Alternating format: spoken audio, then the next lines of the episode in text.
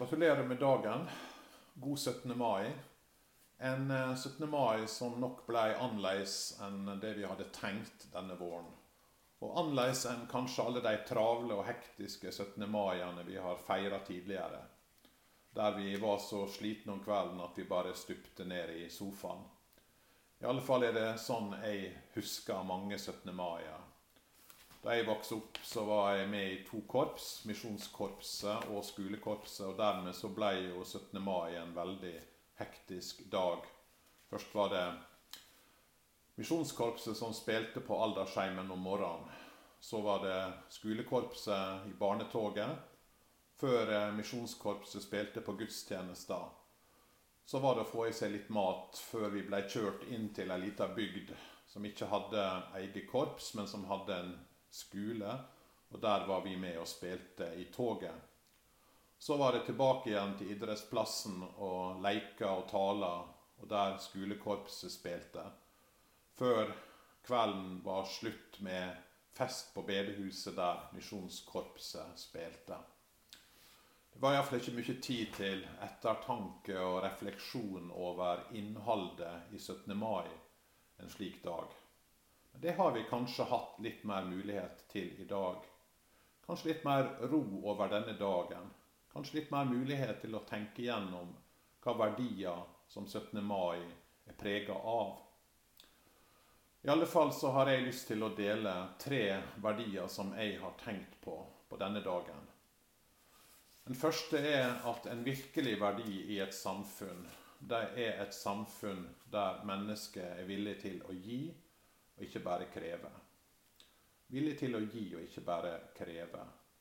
Det høres jo nesten litt rart ut for mange i dag. Er ikke det bedre å få enn å gi? Er ikke det bedre å kare til seg enn å dele? Det gjør jo at samfunnet og fellesskapet har blitt prega av krav og misunning, grådighet. Det som før var et skjellsord, det har blitt helt naturlig. Noe vi bare sier er greit i våre dager. Vi feirer jo Grunnlova på 17. mai. Og i 1814 så var Norge i ei svær økonomisk krise. Og Eidsvollforsamlinga de visste dette her. Og de bestemte å innføre en sølvskatt for å berge landet. En sølvskatt som jo ramma de sjøl hardest. Fordi de fattige hadde jo ikke sølv. Men det hadde de som var på Eidsvoll. Og De valgte å innføre en skatt som ramma hardest for dem sjøl. Og flere av dem gikk personlig konkurs pga. denne skatten. Men de visste at skal vi bygge et samfunn, ja, så må vi være villige til å ofre. Vi kan ikke bare kreve. Vi kan ikke bare si at vi skal ha og få.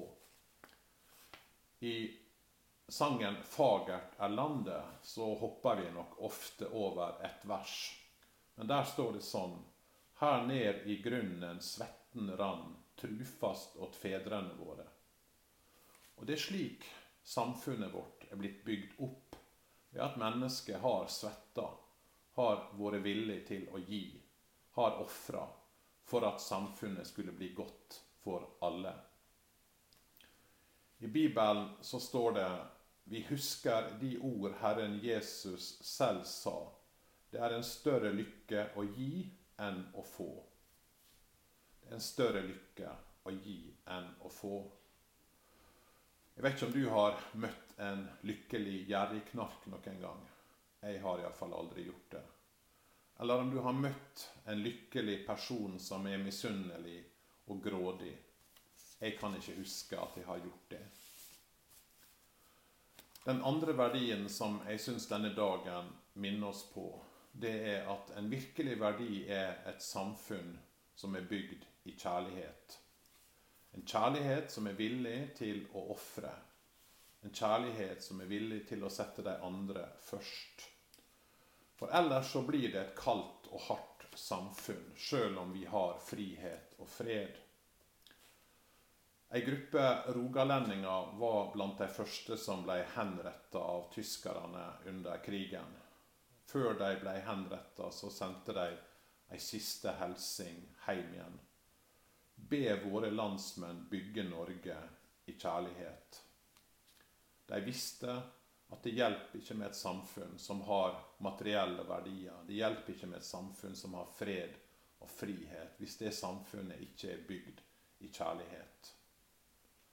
I en av sangene vi ofte synger denne dagen, 'Gud signe Noregs land', der står det sånn I kjærleik varm og mild, me legg vår vilje til. Da får det veksa fram, da får det bløma blitt. Slik har Norge vært bygd. Et samfunn som er bygd på oppofrende kjærleik. Jeg har før i en annen tale nevnt en en katolsk prest og professor som heter Henry Noven.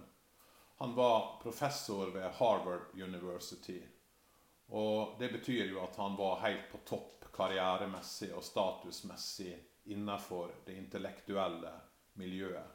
For det er du hvis du er professor ved Harvard.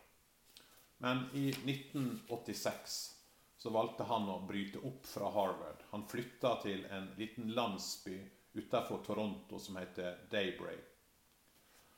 Og det er en landsby for personer med psykisk utviklingshemming. Og Der ble han til han døde ti år seinere. Han valgte å flytte dit, og han tok på seg den monotone og daglige og slitsomme jobben med hver dag å stelle og ta ansvar for en sterkt handikappa mann som heter Adam. Bare det å stelle han om morgenen tok to timer. En enorm overgang fra det intellektuelle miljøet ved Harvard. Henry Noven han skriver om dette her. Likevel, skriver han, er det jeg, ikke Adam, som er den som mottar mest i dette forholdet. Gjennom timene sammen med Adam opplever jeg en slik indre fred at det får mine tidligere intellektuelle intellektuelle oppgaver til å føles overfladiske. Og han oppdaga hvor oppjaga livet hans hadde vært. Jaget etter karriere. Gjennom Adam, sier han, så lærte han at det som gjør oss menneskelige, er ikke vår hjerne, men vårt hjerte. Ikke vår evne til å tenke, men vår evne til kjærlighet. Slik skriver Henry Noven. Nå tror jeg at vi fort kan eh, beundre sånne mennesker som han og moder Teresa, som er villige til å gjøre noe for andre. Men vi misunner dem ikke. Vi tenker kanskje ja, det er bra at ikke det er meg. For vi misunner heller de som er rike og populære, og som ser ut som om de har alt. Og Det gjør vi til tross for at vi nok djupest sett vet at de ikke er lykkelige i sitt liv.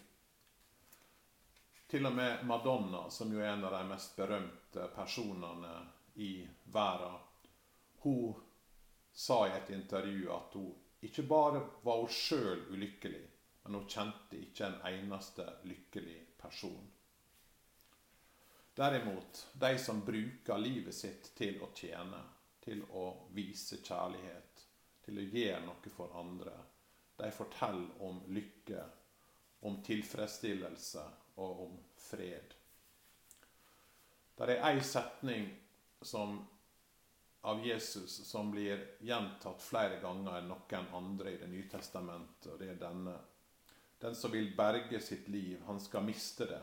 Men den som mister sitt liv for min skyld, han skal finne det. Den som vil berge sitt liv, han mister det. Men du finner livet ved å gi det opp. Og ser vi at oppofrende kjærlighet er en virkelig verdi i livet våre og i samfunnet vårt. Den siste verdien jeg vil nevne, er at et samfunn som har et åndelig og moralsk fundament for livet, det er et godt samfunn det er et godt liv. Vi trenger det. Eh, det mest kjente økonomibladet i verden det heter Forbes. Eh, og det hadde sitt 75-årsjubileum for noen år siden. Og Da ga de ut et spesialnummer, et jubileumsnummer. Og hva var temaet i dette jubileumsnummeret? Var det framtidas aksjer? Var det hvordan du kunne bli millionær uten å ha dårlig samvittighet? Eller slike ting? Nei, det var ikke det. I stedet hadde de invitert statsledere, tenkere, filosofer eh, til å svare på ett spørsmål. Og det var hvorfor er vi så ulykkelige? Og Det som gikk igjen i disse svarene som en fikk, det var at vi er et ulykkelig samfunn fordi vi har mista vårt moralske og åndelige sentrum i livet. Vi har blitt en ulykkelig sivilisasjon fordi vi har mista vårt åndelige fotfeste. En ungarsk filosof og journalist som heter Martin Eslin, han sa følgende siden Nietzsches dager har det stadig blitt flere som Gud er borte for.